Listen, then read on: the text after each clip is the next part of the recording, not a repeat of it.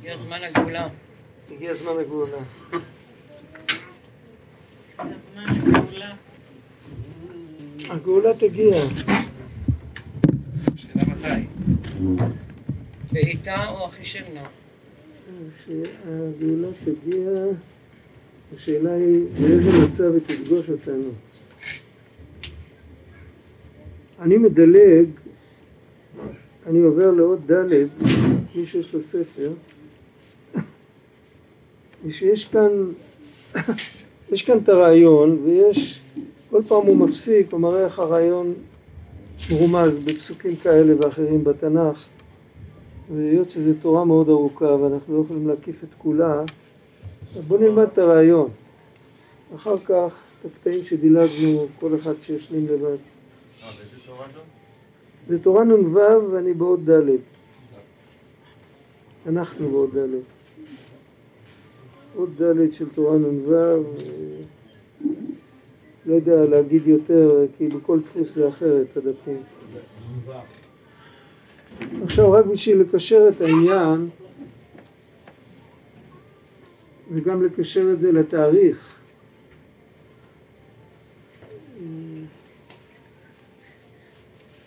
יש שני סיפורים על החורבן. יש סיפור, זה לא, זה לא סיפורי החורבן, זה סיפור שנותן איזשהו מבט על החורבן. יש סיפור על ילד שהיה לו אלבום תמונות והוא רצה להחביא את האלבום, אלבום בולים או אלבום תמונות, משהו כזה, רצה להחביא אותו, שלא ייקחו לו את זה, אז הוא החביא את זה בתוך התנור. וקרה מה שקרה, ושם איזה מישהו הדליק את התנור ולא לא התכופף להסתכל בדיוק מה, מה, מה נשאר בתוכו. לפעמים נשאר משהו מקודם וזה יישרף, לא בדקו. הדליקו את התנור והאלבום הזה נשרף. והילד בוכה שנשרף לאלבום. האימא יודעת את הסוד שהיה באלבום. בין, בתוך העובי של הכריכה של האלבום הם הכניסו שם לעת מצוא לשעת חירום איזה חמישים אלף אה, מטבעות של אותה מדינה. לא מטבעות, שטרות, אבל איזה סכום גדול של כסף. ו... והיא בוכה, הוא בוכה על כמה תמונות טיפשיות ועל אלבום, והיא בוכה על החמישים אלף. בינתיים מגיע האבא, והאבא הוא לא היה בבית, היה בזה בעיר אחרת, והציעו לו איזה עסק שהוא לקנות ולמכור משהו, איזה... הוא היה צריך בשביל זה את החמישים אלף האלה, ובזה יכל להרוויח כמה מיליונים. והוא חוזר הביתה לקח את החמישים אלף. והוא שומע שהאלבום נשרף, אז גם האבא בוכה. כל אחד בוכה על משהו אחר. הילד בוכה על האלבום, האמא בוכה על החמישים אלף, ואבא בוכה על שלוש מיליון. היום שלוש מיליון זה כסף קטן, זה סיפור מלפני הרבה הרבה הרבה עשרות שנים. זה בעצם הצד אחד של המטבע, כשמסתכלים על החורבן, אז אה, יש כל מיני דעות. יש דעת של בן אדם שעומד ורואה שבית המקדש עולה בלהבות, אז זה כואב לו. כואב לו הבניין שעולה בלהבות. יש אחד שמבין שזה לא הבניין אלא שהפסדנו את העצמאות ואת הארץ ואת ה... עם ישראל יוצא לגלות. זה לא, הבניינים יפים אפשר לבנות, אבל זה, זה לא זה. זה לא הבניין. ויש אחד שבוכה על גלות השכינה. הוא בוכה על, ה... על מה שמתחבא מאחורי הסיפור. על מה, על מה באים לומר לנו דרך האקט הזה שנשרף בית המקדש. זאת אומרת, לפי ההיגיון הזה, זה צד אחד, אני אומר, כל זה זה חד צדדי. ככל שיש דעת יותר עמוקה, האבל הוא יותר גדול. ככל שהדעת היא יותר שטחית, הבן אדם לא יודע מה חסר לו. זה צד אחד. הצד השני זה סיפור אחר. זה סיפור על קבוצה שיושבת ולומדת. יש מישהו שמלמד אותם, והוא חכם גדול. והם לומדים ושואלים ועונים. ויש שם, יש שם ח... חיים שם, לימוד עם חיות. פתאום החכם הזה שותק, מפסיק לדבר. וכאילו אצלם זה נחשב לחורבן. הוא, הוא נקודת המוצא של כל ה... הוא הציר המרכזי של כל, ה, כל ההתרחשות. וכשהוא שותק אין במה לדון, אין, אין על מה לדבר, אין, וכאילו יוצא להם האוויר מהגלגלים. ואז אחרי כמה זמן שהם כבר לא יודעים אם, אם לשאול אותו או לא, זה לא יפה, זה לא נימוסי, וזה לא, ומה קרה, ואולי הוא כועס על מישהו ולכן הוא לא רוצה לדבר, אולי עשינו משהו לא הגון, אולי... לא יודעים כבר מה לחשוב, ואז פתאום רואים שהעיניים שלו מהירות, והוא פותח את הפה ואומר, וואי, אתם לא יודעים איזה אסימון נפל לי. אתם לא יודעים על מה חשבתי עכשיו. אני שתקתי בגלל שרציתי לעכל את הרעיון. אם הייתי מתחיל לדבר ולבקש סליחה וכל זה, אז עכשיו שהכל התבשל, אני אגיד לכם. ואז הם... זאת אומרת, עכשיו פה הסיפור ההפוך. ככל שיש בין המשתתפים אנשים כאלה שהם פחות רגישים ופחות עמוקים,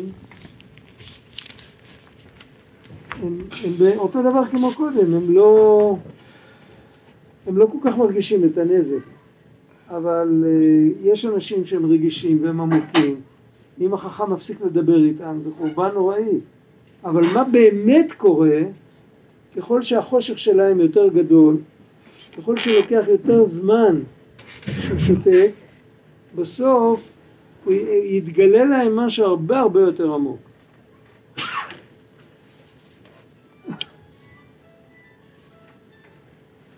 בחיצוניות זה נראה הסתרה, וככל שההסתרה היא יותר, יותר גדולה, אז סימן שמה שמסתתר שם הוא דבר יותר חשוב. יש עוד כמה דוגמאות על זה. יש, אה, נגיד ש... זה, משל, כל המשלים האלה מופיעים בספרים עתיקים. יש משל בספרות עתיקה על עיר שבאה במצור ונפלה. ובא מלך זר עם רמטכ"ל זר, עם כל הזה, ונורא חושק בעיר הזאת, והוא הצליח לכבוש אותה. ועכשיו בני המדינה רוצים להעיף אותו משם. הם עולים על איזה מקום גבוה ומתחילים לצפות על, אה, על, על התהלוכות של העיר הזאת, בשביל לקבל איזשהו דל אינפורמציה, בשביל להתחיל אה, לראות איך, איך נכנסים, איך, באיזה תחפושת, כאילו, איך. ואז יש שם ביניהם אחד חכם ואומר, שימו לב, יש מקום שלנו זה נראה שלא כדאי להתעסק איתו.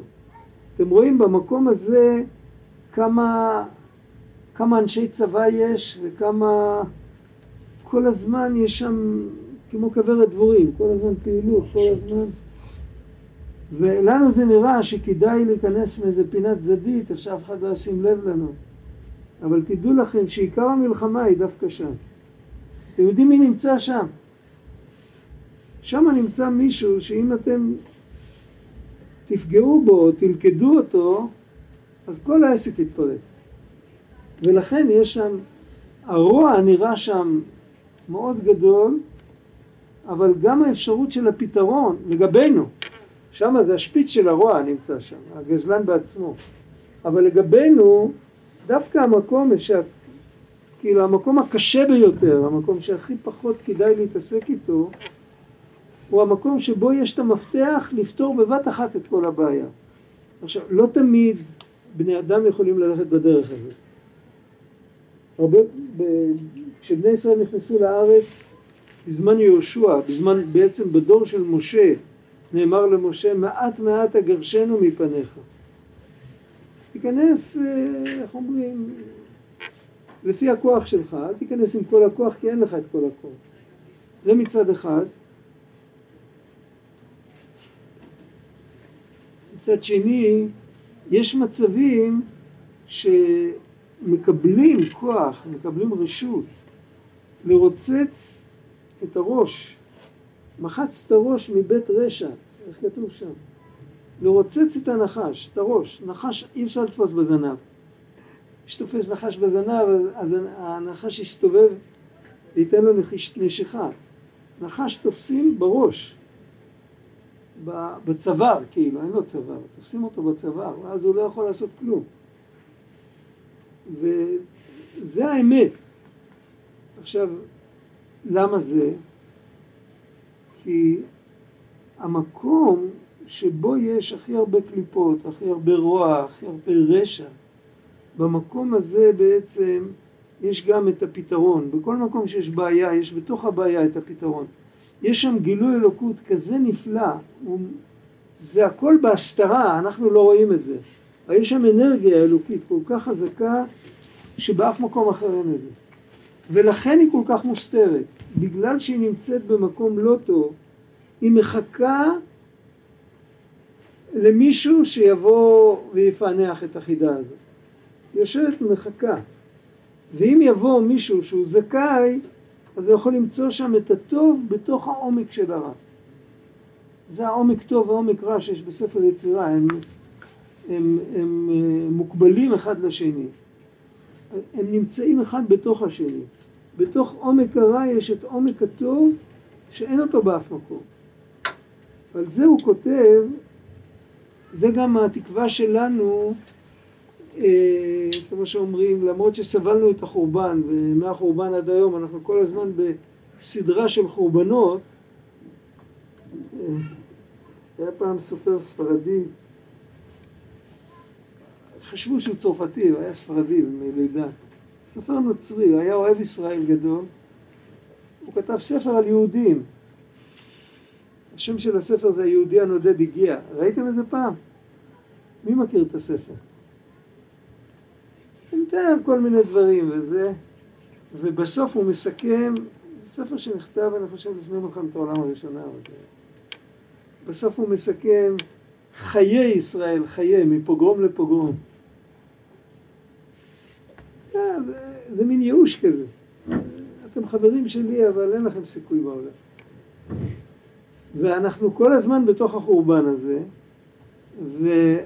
ואף על פי כן אנחנו איך אמר נפוליאון, אם יושבים על הארץ ובוכים אחרי 1800 שנה על בית מקדש שנחרב, אז הוא ייבנה. זה אגדה כזאת, הנפוליאון, שהוא נכנס לבית כנסת, הוא רואה שיושבים על הארץ, חושך ובוכים. אז הוא שואל למה, אז אומרים, מי שאומר לו, החריבו להם את בית המקדש. אז הוא אומר, איפה, מי, מתי, מי, מי עשה את זה? מתי? מאחורי הגב שלי כאילו מישהו בא להחריב לכם את בית המקדש? הוא אומר, לא היום, לפני 1800 שנה זה קרה. אז הוא עומד ומסתכל ואומר, אם אתם עדיין אכפת לכם על בית המקדש 1800 שנה אחר כך, סימן שהוא ייבנה. יש בזה היגיון.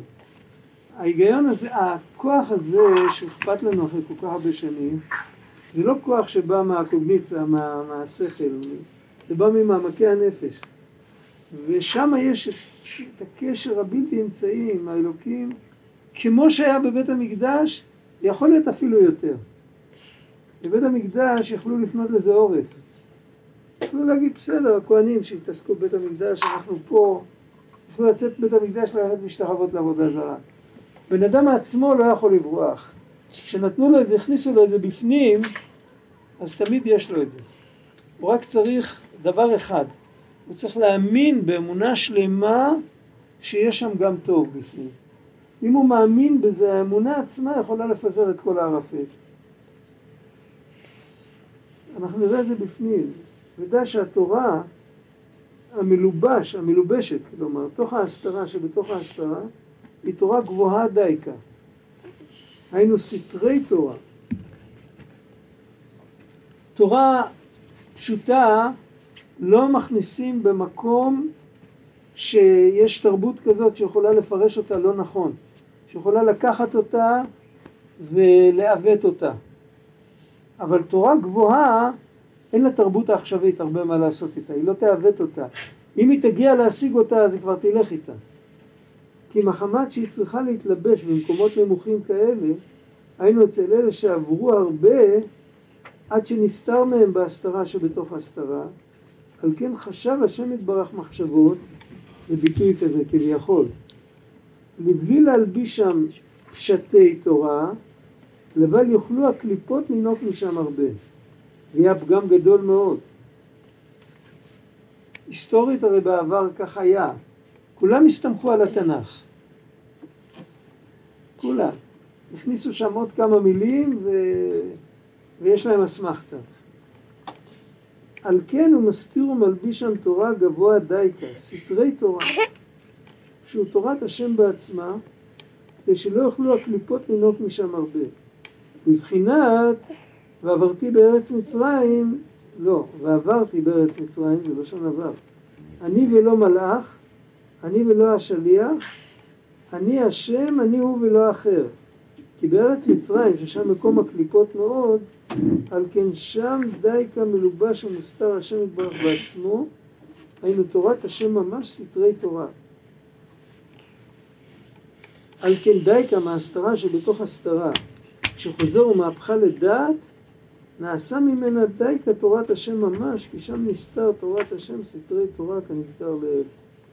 תראו, מה היה במצרים? אנחנו לא פרופסורים למצרית. אנחנו לא יודעים בדיוק במה האמינו המצרים הקדמונים, אבל ממה שסיפרו לנו, גם בכתובים וגם מה שסיפרו לנו, מה שעבר מדור לדור, דרך המדרשים ודרך כל זה, וגם מה שקצת חכמים חקרו, אז הנקודה של, של מצרים, ששם זה קשה להחליט אם זה פילוסופיה או שזה דת, הוא מאוד מעורבב. אבל אפשר לומר שהחוכמה, הפילוסופיית החיים שלהם הייתה שאיך אמר פרעה, לא ידעתי את הוויה, זה מה שהוא אמר. כשהוא כבר כן הודע, הוא אמר אצבע אלוקים. אבל את השם י' כו' שהוא למעלה מהטבע והוא למעלה מהזמן, את זה אני לא יודע. ולא שהוא חושב שאין דבר כזה. הוא יודע שיש דבר כזה, הוא יודע שזה ההתחלה של הכל, הוא לא טיפש. אני לא אמור לדעת את זה, זה לא חלק מהחיים שלי. זה כאילו נשאר למעלה, זה נשיאות הכבוד, זה לא רלוונטי. מה שרלוונטי פה זה פרעה בארכיאולוגיה, שרואים אותו בתמונות, הוא מקטר קטורת לשמש. זה מה שהוא עושה. הוא גדול, ענק, כל יתר האנשים שעומדים כאלה קטנים, ככה היו מציירים אותו. והוא עומד עם, עם כף ועם מחטאה והוא מקטיר קטורת לשמש.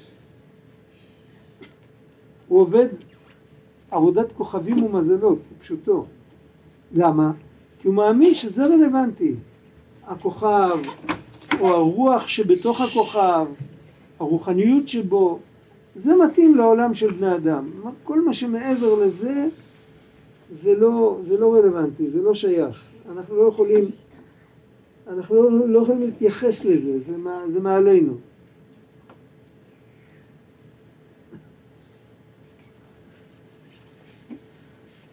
אם שולחים מלאך או שליח או מי שלא יהיה שהוא כבר עובד עם היגיון או משהו לתוך, הטומאה של מצרים, לתוך המקום הזה, אז uh, הוא יכול לקבל את הקונספציה של מצרים. כאילו גם ללכת עם זה. אנחנו מצאנו במדרש מלאכים שמרדו. הם קטרגו ואמרו להם תנסו אתם אם אתם יכולים יותר טוב, קטרגו על בני אדם. תנסו אתם, אתם יכולים יותר טוב. הם אמרו כן, אנחנו נצליח. הם ירדו למטה והם קיבלו את אותה השקפת עולם. הם, כאילו, הם, אי אפשר לשלוח מלאך למצרים כי הוא יטבע בתוך הטומאה של מצרים, הוא ילך לאיבוד. אז מי יכול להתגלות במצרים? אותו אחד שעליו הם אומרים שהוא לא רלוונטי. הוא צריך להתגלות במצרים, ובזה הוא מכחיש את כל, ה... את כל התיאוריה שלהם.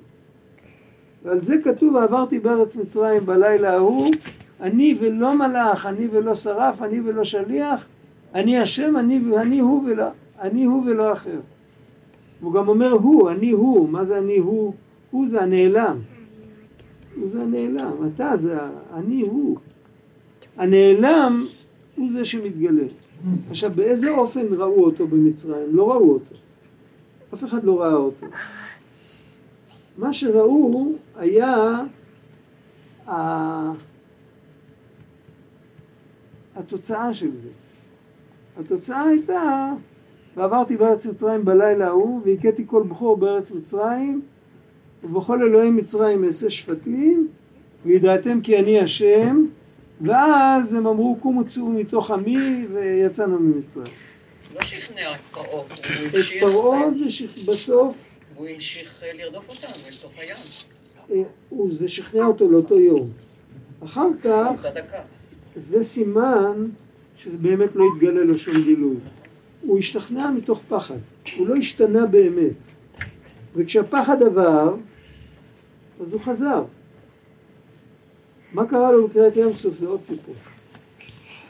יש מדרש שאומר שאחרי שהוא ראה את כל מה שהתרחש בקריאת ים סוף, הוא נשאר בחיים והוא הלך לספר בכל המזרח הקדום, כתוב שהוא הלך לננבי, זו דרך ארוכה במושגים של פעם, ו- וסיפר להם שיש אלוקים עליון במלכות של בני אדם ויש השגחה פרטית ויש אה, מה שנבוכדנצר גילה כמה הרבה מאוד שנים אחר כך.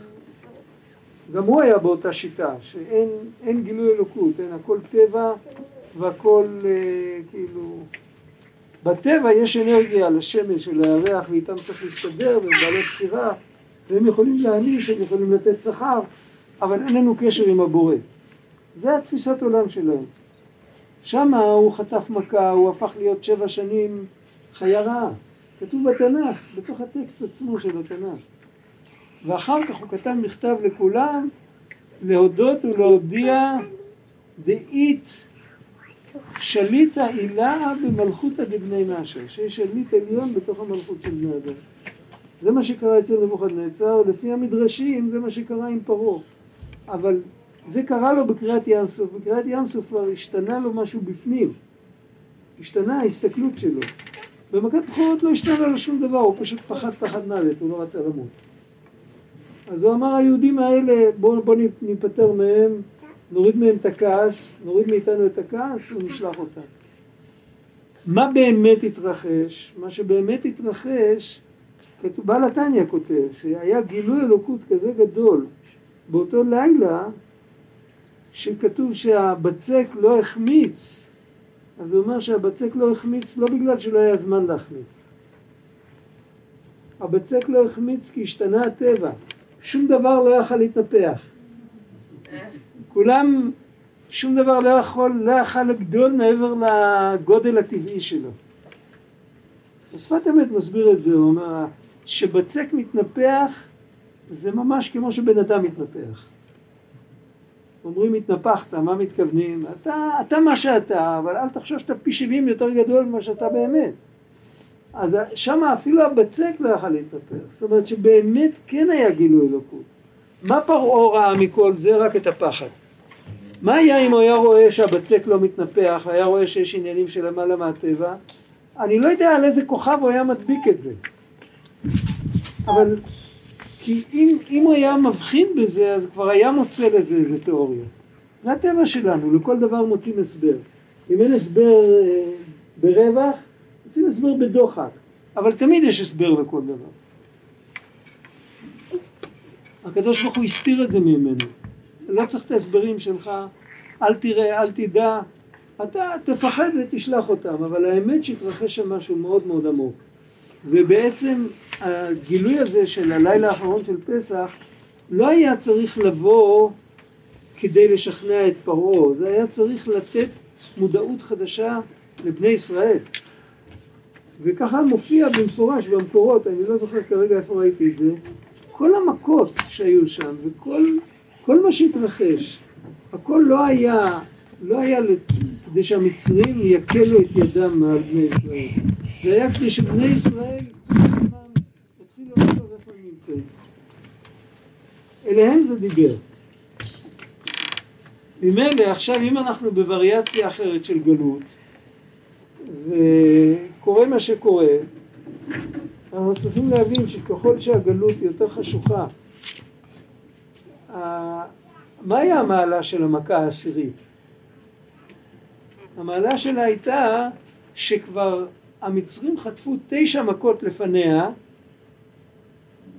והם לא ויתרו ובני ישראל עדיין האמינו זה היה המעלה של המכה העשירית. הם קיבלו אותה בזכות האמונה שבני ישראל האמינו אחרי תשע אכזבות. הרי כל מכה הייתה אכזבה בשביל היהודים. היה מכה, פרעה מבטיח ולא מקיים. עוד מכה, עוד פעם מבטיח, עוד פעם לא מקיים. עד שהיהודים כבר איבדו תקווה. אבל הם עדיין, הם לא לגמרי איבדו תקווה. היו כאלה שאיבדו תקווה, הם לא שרדו. מי שמאבד את התקווה הוא מאבד את הכל. אבל אלה שלא איבדו תקווה, הם שרדו עד הסוף, ובזכות זה שהם לא איבדו תקווה אחרי תשע אכזבות, אז, אז, אז הם, הם נגאלו בסוף. ומה המשמעות שלא לאבד תקווה? בואו ניקח את זה לחיים שלנו, איך זה אצלנו, זו השאלה הקלאסית.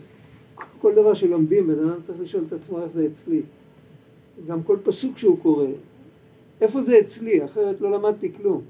אצלנו הרבה פעמים אנחנו רואים, כשמסתכלים על העולם, אנחנו רואים, עכשיו בדרך מישהו סיפר לי, עוד נשאר איזה בית ישן של פעם, אז באים הדחפורים והורגים אותו. אמרתי הורגים אותו, זה טעות, זה לא טעות פשוטה.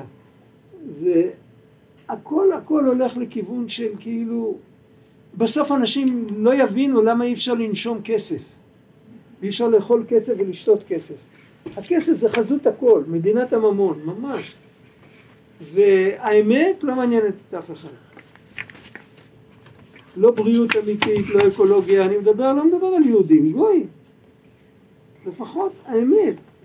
נראה שהעולם הולך כל, כל פעם למקום יותר חשוב. עכשיו אם נסתכל בעיניים יהודיות, אז גם היהודי הופך להיות, נראה לנו שהיהודי הופך להיות כל הזמן יותר טכני. השטריימל גודל והלב קטן, באותו יחס. לפני שלושים שנה לא היה שטריימלים כאלה, היה שטריימלים כאלה. היום זה מתנפח, כמו חמץ. והלב מתכווץ, אין בלב כלום. זה, זה אסון. ככה זה נראה לנו. אבל האמת שאם מסתכלים לעומק, אז מתבשל משהו מתחת לפני השטח. זה משהו כל כך גדול וכל כך אדיר, שאם היה מתגלה לפני הזמן, לא היינו יכולים לסבול אותו. וצריך לזה סבלנות. על זה יש, יש כאן את הישר והפוך. יש משל, שמעתי אותו מהמורה בכיתה ג' בבית ספר. בבית ספר יסודי. רק תחשבו על מה דיברו עם ילדים. ב... הוא סיפר ככה, היה איזה אדמו"ר גדול, קדוש, אה, צריך להיזכר בדיוק על מי הוא סיפר את זה, לפי הזיכרון שלי הוא סיפר את זה רבי ישראל מרוז'י. אני לא בטוח שהזיכרון שלי הוא בדיוק, אבל בעצם לא כל כך חשוב מי סיפר את זה. הוא ישב פעם, האדמו"ר הזה ישב עם החסידים שלו, וסיפר להם סיפור. בעולם של החסידות זה היה מאוד נפוץ, הדבר הזה. הסיפור הזה היה משל. סיפר שהגיע יהודי מהכפר, והוא גדל בלי בית ספר. הוא בקושי זכר שהוא יהודי. בראש שנה הוא הלך לשמוע את קטע שופר בעיירה. יעני בעיר הגדולה, כאילו, יחסית לכפר שלו. הוא מגיע לשם, והוא מתיישב, הוא לובש את הטלית, הוא לוקח את המחזור, הוא לא כל כך אה, יודע לשתף פעולה. הוא מסתכל מה קורה מסביב. בלילה מאוד מרשים אותו, התפילה ככה, מנגנים את הקדיש, הכל יפה, כן? בבוקר זו תפילה ארוכה, ראש שנה אצל אשכנזים, ראש שנה זו תפילה מאוד ארוכה. וצריך להבין את זה. אז הוא רואה שבתפילה מתחילים להתפלל ומדי פעם נאנחים ובוכים קצת וזה... אחר כך מגיע קטעים שמתחילים לשיר. הוא לא הבין מה זה האנשים האלה, הם עצובים או שהם שמחים. אז הוא התחיל לחשוב מה, מה זה, התחיל לחקור עם השכל שלו. איך הוא אומר בסיפורי מעשי, הוא התחיל לחקור עם הפילוסופיה שלו. הוא נזכר שבבוקר, איפה שהוא התארח, באיזה, באיזה בית מלון כזה כפרי, בעלת הבית, היהודייה, היא שמה איזה סיר על האש עם דברים כאלה, אני לא יודע מה זה, אבל עם דברים כאלה שהם צריכים להיות הרבה שעות עד, ש... עד שהם נגמרים. אז בהתחלה הם התחילו לבכות כי הם רעבים. אחר כך הם נזכרו שככל שזה יהיה יותר זמן על האש, אז, אז יהיה יותר טעים, אז הם התחילו לשמוח. אבל זה לא עזר לו, אחר כך הגיעו לתקיעת שופר, קוראים זוהר לפני תקיעת שופר, אומרים את הפסוקים, אנשים מתחילים להתייפח. אז הוא לא הבין, סיכמנו שככל שמחכים יותר, אז זה נהיה יותר טוב. אז הוא אמר, כנראה הם בוכים, הם אומרים באמת נכון, ככל שמחכים האוכל נהיה יותר טוב, אבל אנחנו רעבים, לנו אין כוח לחכות יותר. והוא לא הסביר כלום, והוא קם מהשולחן. ואז החסידים אמרו, זה משל על הגלות. גם בסיפור הוא לא סיפר לנו באיזה תאריך בשנה הוא סיפר את זה. יכול להיות שזה היה התאריכים האלה של החורבן.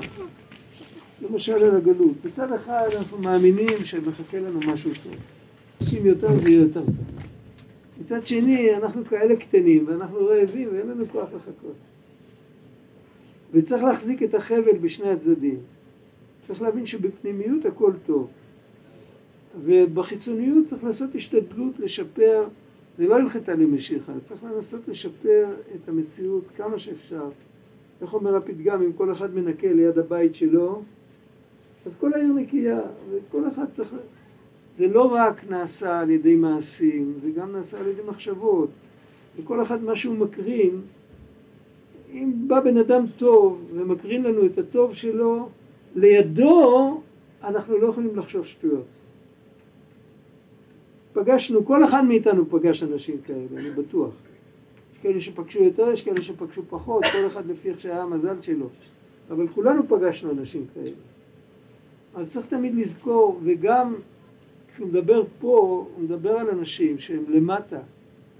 בן אדם, מדבר על בן אדם שהוא בתוך התמכרות של חטאים, ושל עוונות, ושל... איך כותב הפלא יועץ, שהוא היה, אתם יודעים מי זה היה? היה בבולגריה אה, דור אחד אחרי הבעל שם טוב. הוא היה בסליסטרה, בבולגריה אם אני לא טועה. הוא היה אחד מהפוסקים הספרדים הכי, הכי נודעים בעולם.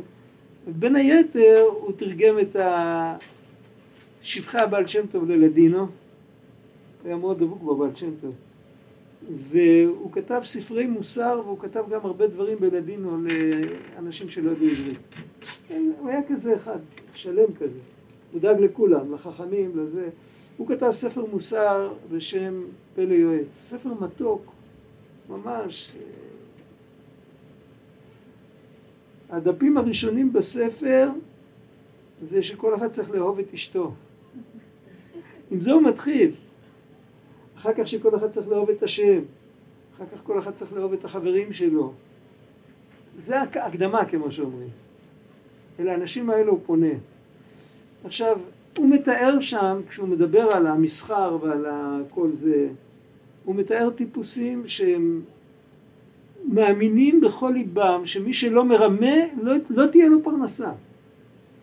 זה הסתרה מאוד גדולה הדבר הזה. זה, בן אדם חושב שאם הוא לא יחטא, הוא לא יתקיים. כן? צריך להיות, צריך להיות חלק מהסביבה ולהיות כמו כולם ולחשוב כמו כולם.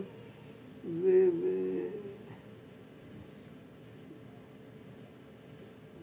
ולהיות אינטרסנט כמו כולם.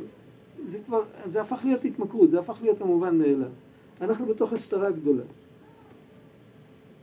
וזו הסתרה היא כל כך גדולה שזה כבר הסתרה שבתוך הסתרה אנחנו אפילו לא יודעים שאנחנו חוטאים ו- ולהגיד אה, מה אני אעשה התרגלתי, אפילו זה כבר לא קורה לנו. אנחנו כבר, זה כבר זורם ככה, כמו שנושמים ככה חוטאים, בלי, בלי שום הבדל. ואף על פי כן אנחנו צריכים לדעת שבתוך כל המצב הנוראי הזה יש נקודת אור ושזה האלוקים בעצמו שהוא נמצא שם. אם הוא לא היה נמצא שם שום דבר לא היה קיים. ואפשר למצוא אותו שם, לא לומר ולא לחשוב שאני קודם כל צריך לעשות איזו עבודה נוראית עם עצמי ואז אולי ייפתח לי איזה פתח לעולם רוחני יותר וכל זה. אלא לא, מה שבן אדם צריך, הוא צריך רק אמונה פשוטה שהאלוקים נמצא בכל מקום. גם איתי, גם איתי איך שאני עכשיו, שאין פניי יפות כלל. גם איתי שאכלתי היום פי ארבע ממה שאני צריך. מוכר? גם איתי שעישנתי בשרשרת עד שהגעתי לכאן, פה זרקתי את זה בקושי הצידה. וכל כיוצא בזה, וגם איתי שאני עוד לא שומר שבת ולא, ולא כלום, כאילו. השם נמצא איתי, ובגלל שנמצא איתי אני יכול לחפש אותו ואני יכול גם למצוא אותו. אני רק צריך קודם כל להאמין שהוא נמצא. אם אני לא מאמין שהוא נמצא, אני לא יכול לפגוע, אני לא יכול לחפש אותו. אם אני מאמין שהוא נמצא, האמונה הזאת נותנת כל כך הרבה כוח, שאם אני אחפש אותו, אני אמצא אותו. עכשיו, איך מחפשים אותו? אז הדבר הראשון שמחפשים מישהו, תחשבו שלאימא נעלם ילד, מה היא עושה? היא צועקת יוסי. מה ילד מצידו צריך לעשות? לשים לב לקול שהאימא צועקת לו יוסי. אם, אם הילד הרי מחפש במקביל גם את האימא. אם הילד עוד לא מחפש את האימא זה בגלל שהוא התייאש והוא חושב שלכאן האימא בטח לא הגיעה. אבל האימא נמצאת פה והיא צועקת לך. זאת אומרת להתחיל להקשיב. סיפר לי חבר, סיפרתי לכם את זה כמה פעמים. הוא עובר מתחת לאיזה בית ברמת גן, מתחת לאיזה מרפסת הוא עובר, והוא שומע אימא אומרת, יוסי בוא הביתה. הוא מאוד התעורר מזה. הוא אומר, למה הייתי צריך לעבור בדיוק באותו רגע?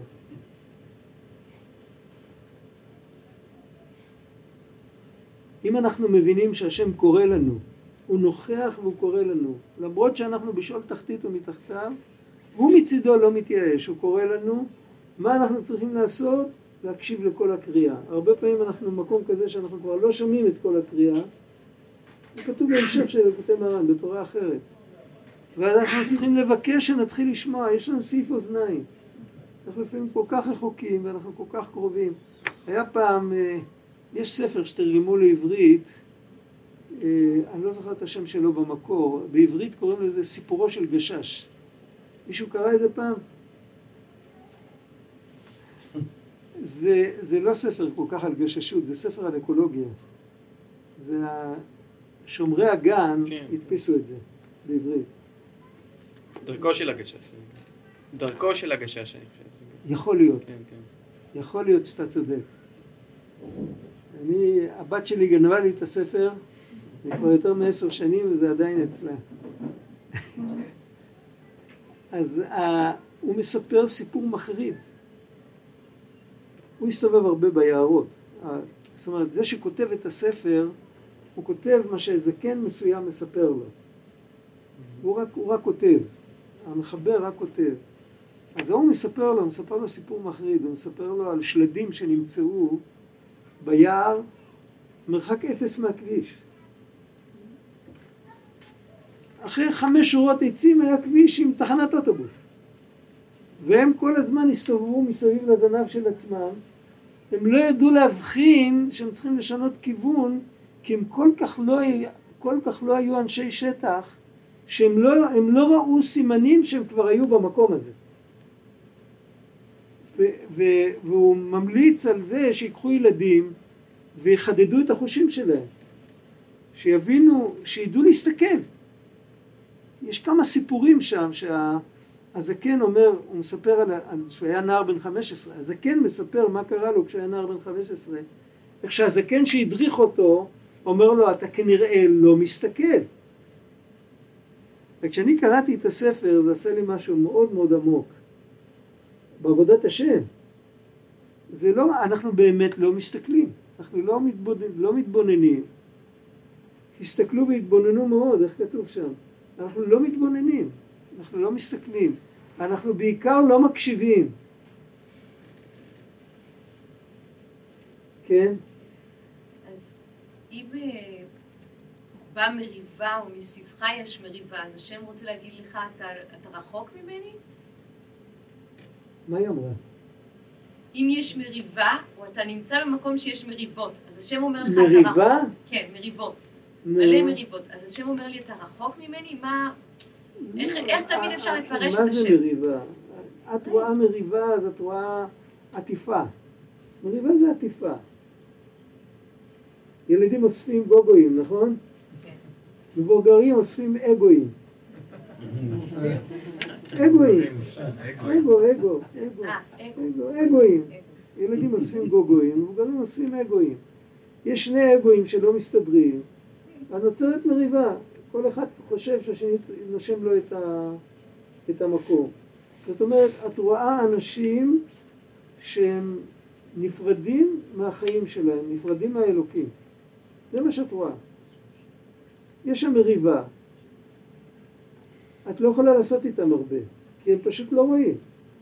אבל אם את מוצאת את האלוקים בדרך שלך, ואת יודעת שאת נושמת בזכותו ואת קיימת בזכותו, אמרתי פעם לאנשים לעשות ככה, להסתכל על היד ולחשוב שהשם בורא את היד כל רגע, שבעצם אני אין לי, וזה לא צריך יד, זה יכול להיות מה שיש לי בתוך המוח, הנשמה, הכל.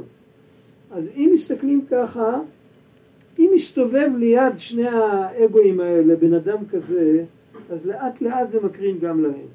כמה שאפשר. זה לא מקרין הכל, אבל זה משנה את האטמוספירה. זה ברור. אבל ההתחלה של הכל זה לחפש ולהקשיב ולהבין שהשם קורא לי. הוא מראה לי מריבה, הוא שולח לי כאב, לא משנה, או שהוא שולח לי בונוס, זה הכל אותו דבר. הוא קורא לי, אני צריך להרגיש שהוא קורא לי ו... ולענות כן אמא, אני פה. לא לתת לזה ככה לעבור מעלינו. וזה הכל בתנאי שאני מאמין שהוא קיים פה. אם אני לא מאמין שהוא קיים פה, פילוסופית, אני לא מקבל את זה, אז על כל דבר שאני ארגיע, אני אגיד, זה סתם אה, דמיון שווא, זה כאילו, זה, זה שטויות, זה, זה לא, זה... כמה מקרה, אתה, אתה תמיד ממציא, על כל דבר אתה אוהב להמציא, כי אתה מיסטיקן. אתה לא אמיתי, אתה לא עם שני רגליים בשטח. זה מה שהאנשים יגידו, אבל בן אדם לעצמו צריך לדעת את האמת, ש... איך רבנו, הלשון של רבנו היה, הוא אמר את זה ביידיש, הוא אמר אלוקים לידך, אצלך, בתוכך, ככה הוא אמר. צריך תמיד לזכור שאלוקים הוא לידך ואצלך ובתוכך. ואם זוכרים את זה, אז יש אנרגיה אחרת להתחיל לעבוד. מקבלים אנרגיה אמיתית. ועל זה, זה לא אנרגיה מזויפת, זה לא אנרגיה שאחר כך מישהו יחשוב שאני חכם או שאני קדוש. להפך, אנשים יבזו אותי. אם אני אספר להם מה אני חושב, יסובבו עליי אצבע. זה אנרגיה שבאה ממקום קדוש, לא ממקום מזויף של תשומת לב ושל אה, רצון לרצות או משהו כזה, להפך. אז משם אפשר להתחבר. וזה בעצם גם פתרון על הגלות. הגלות הכללית היא דומה לגמרי לגלות האישית של כל אחד. כן. מישהו רוצה להגיד משהו? כולם רצו להגיד משהו. כולם רצו להגיד זה. מה- ההבדל בין אצלך לתוכך, אמרת? אני לא יודע בדיוק, אני, גם לא יודע אם תרגמתי את זה. נכון, אני מנסה להיזכר את ה... יש כאן מישהו שמבין יידיש. גוט איז בדיר ולבנדיר ולאינדיר. תרגמתי נכון. כן. מה בדיוק ההבדל אני לא יודע. אני באמת לא יודע, אני זוכר שאמרו שלוש לשונות. תורה שבעל פה, זה לא כתוב מקום. אין לזה פירושים, ככה סיפרו לנו. לי יש שאלה הרב. כן, הרי כשאתה אומר הגלות הפנימית היא מקבילה... כשאני אומר מה? שהגלות הפנימית כן, היא, היא בעצם מקבילה לגלות דומה, הכללית, כן, נכון? כן. אבל צריך להתעורר לזה. מה מביא את ההתעוררות לזה? צריך להתעורר בשביל לדעת בכלל שזה גלות, נכון? כן. אז זה הוא אומר כאן שחינוך לאמונה שאלוקים בכל מקום. ואז כשאני מצד אחד מאמין שאלוקים בכל מקום, מצד שני אני רואה מה קורה בשטח, אז נוצר לי קונפליקט. הקונפליקט הזה מעורר אותי. אם לא חונכתי ואני לא מחנך את עצמי שאלוקים בכל מקום, אז מה שאני רואה בשטח הופך להיות תודעה חלקה, שלמה, בלי סדקים, בלי כלום, ואני יכול להירדם אה, כמו ילד שנרדם בשלג. הוא חולם שהוא בבית ליד התנור, הוא כופה למוות. הקונפליקט הזה הוא קורע את המסכה.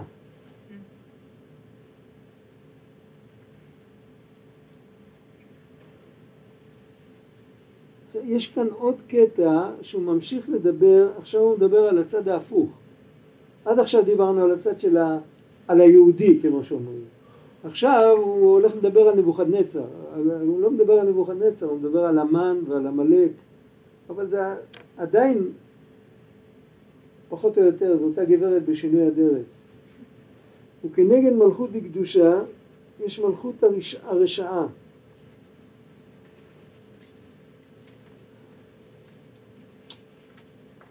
צריך להבין את זה. איפה יש לנו בתנ"ך את הדוגמה הקלאסית של מלכות הרשעה? בתנ"ך זה לא כל כך בולט, אבל במדרשים זה יותר בולט. סדום.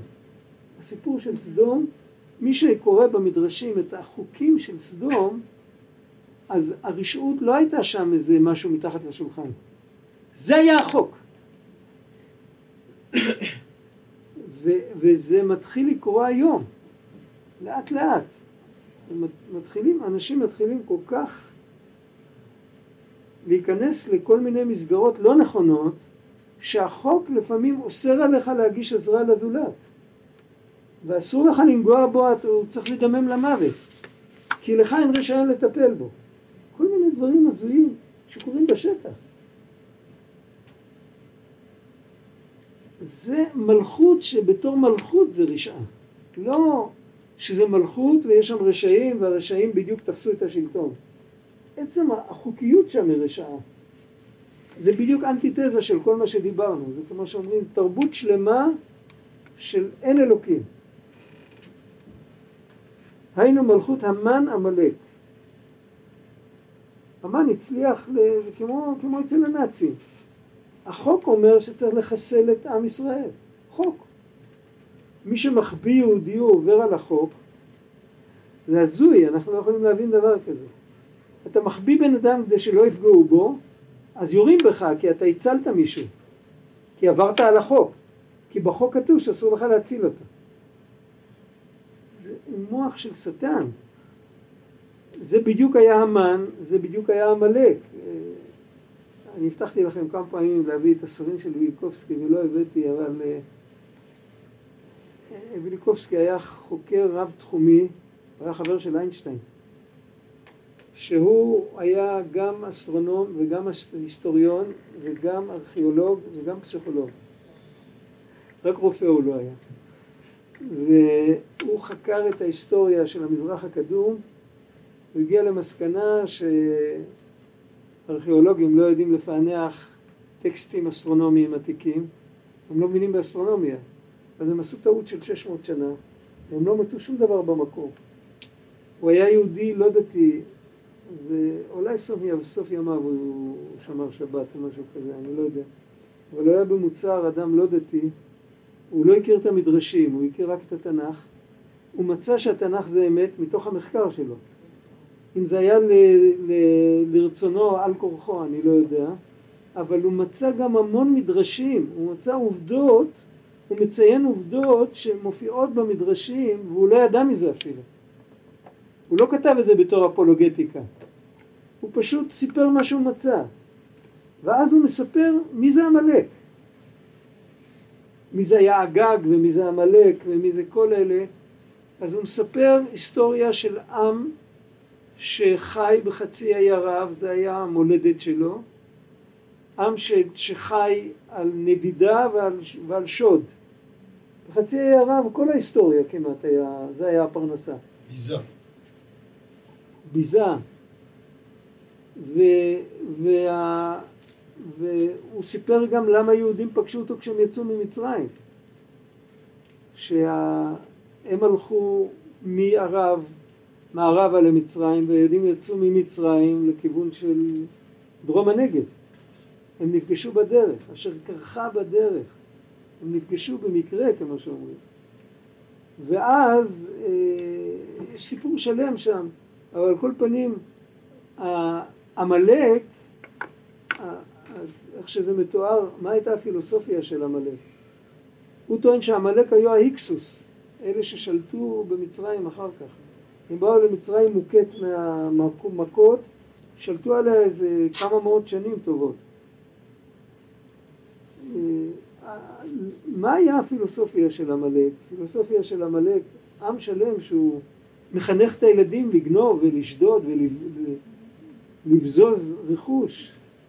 הפילוסופיה שלו הייתה בדיוק אותה פילוסופיה של עזב השם את הארץ, שתעשה מה שאתה רוצה. עמלק הוא נכד של אברהם אבינו. הוא נכד מין של אברהם אבינו. כאילו. ותמנע את הפילגש לאליפז בן עשיו, ותלד לאליפז את עמלק.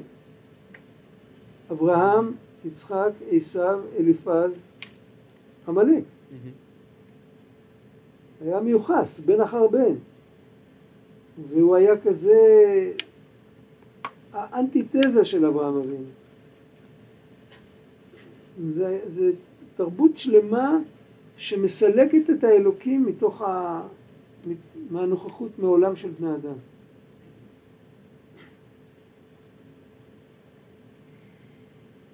כמו שכתוב ראשית גויים עמלק. וזה לעומת זה, כי מלכות דקדושה הוא מבחינת מאסף לכל המחנות. מלכות דקדושה מחבקת את כולם, כמו שכתוב סוף דבר הכל נשמע את האלוקים ירא זה מבחינת מלכות. מאסף לכל המחנות זה השבט שהלך אחרון, אם מישהו היה מאבד, היה נותן לו. כשבני ישראל נדדו במדבר, היה מחזיר לו, היה עושה השבת אבדה. השכינה הקדושה עושה השבת אבדה לכולנו. אנחנו כל הזמן מאבדים אבדות. הלוואי שלא נאבד כל כך הרבה. אנחנו כל הזמן מאבדים. מאבדים תובנות, מאבדים ערנות, מאבדים קשר עם חברים, מאבדים קשר עם הבורא, שוכחים את התורה שלמדנו. הרבה פעמים שוכחים אפילו תפילה פשוטה או, או מעשה פשוט שבקלות אפשר לעשות אותו. אנחנו שוכחים, מאבדים פה משהו, מאבדים שם משהו. איזה הוא שותה? זה מאבד כל מה שנותנים לו. מאבד, אנחנו מאבדים. הקדוש ברוך הוא דואג, הוא שולח לנו את המלכות, שזה הסוף כל דרגין, את הספירה האחרונה, היא כמו אימא טובה, כמו אומנת. הנה, קח ילד, שכחת, יש לך הכל, לוקחים ילד מהגן הביתה, לא שכחת תיק, לא שכחת משהו, תבדוק. ככה השכינה עושה לנו, היא מזכירה לנו, כמובן שלאדם יש בחירה, השכינה היא לא אומנת ואנחנו לא ילדים קטנים, אז היא מזכירה לנו בשפה שלה, אבל היא תמיד שולחת תזכורות, זה נקרא מאסף לכל המחנות. והתזכורות האלה הן לא תמיד נעימות, אבל תמיד תמיד זה חיבוק. כן? זה, זה עוד שייך לקטע הקודם. ולעומת זה, זה בחינת, הוא בחינת מאסף לכל המחנות לקדושה, בחינת מחנה דן שהיה מאסף לכל המחנות, כי דינא דמלכותא דינא, דן שייך למלכות, ומלכות דסתרא אחרא הוא מאסף ממון. זה כשהבן אדם נזרק למקום שבו כל השאיפה שלו זה כסף.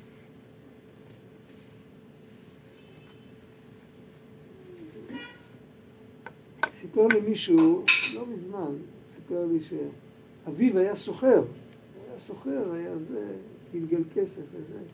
לפני מותו, הוא אמר לבן שלו, הוא אמר לו, היה לו בן יחיד, אמר לו, תזכור שכסף זה אף פעם לא מטרה. כסף זה תמיד אמצעי.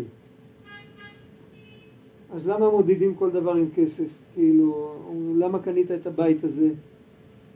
אם היית קונה בית אחר, היית מרוויח יותר כסף. אז מה זה כסף? כסף זה האמצעי או המטרה? זה משפט שכאילו אומר הכסף הוא המטרה. היית חוסך כסף, היית מרוויח כסף, היית עושה ככה, היית עושה ככה. את זה אני אוהב, מה זה, מה זה משנה? אז, אז אני הפסדתי כסף. מה זה כסף? כסף סך הכל אמצעי, זה, כסף זה תלוש של קייטנה גדולה שנקראת מדינה. היום בימינו שלאף מדינה כמעט אין עצמאות כלכלית, יש רק אה, כמה תאגידים גדולים שמנהלים את העולם, אז באיזה זה תלוש של כדור הארץ, זה תלוש. ברגע שמישהו יחליט אי שם שהוא לא מכבד את התלוש הזה, אז עם כל הכסף הזה לא נוכל לעשות כלום. כסף הוא באופן עקרוני הוא רק אמצעי, הוא רק... אה, הוא לא אמיתי.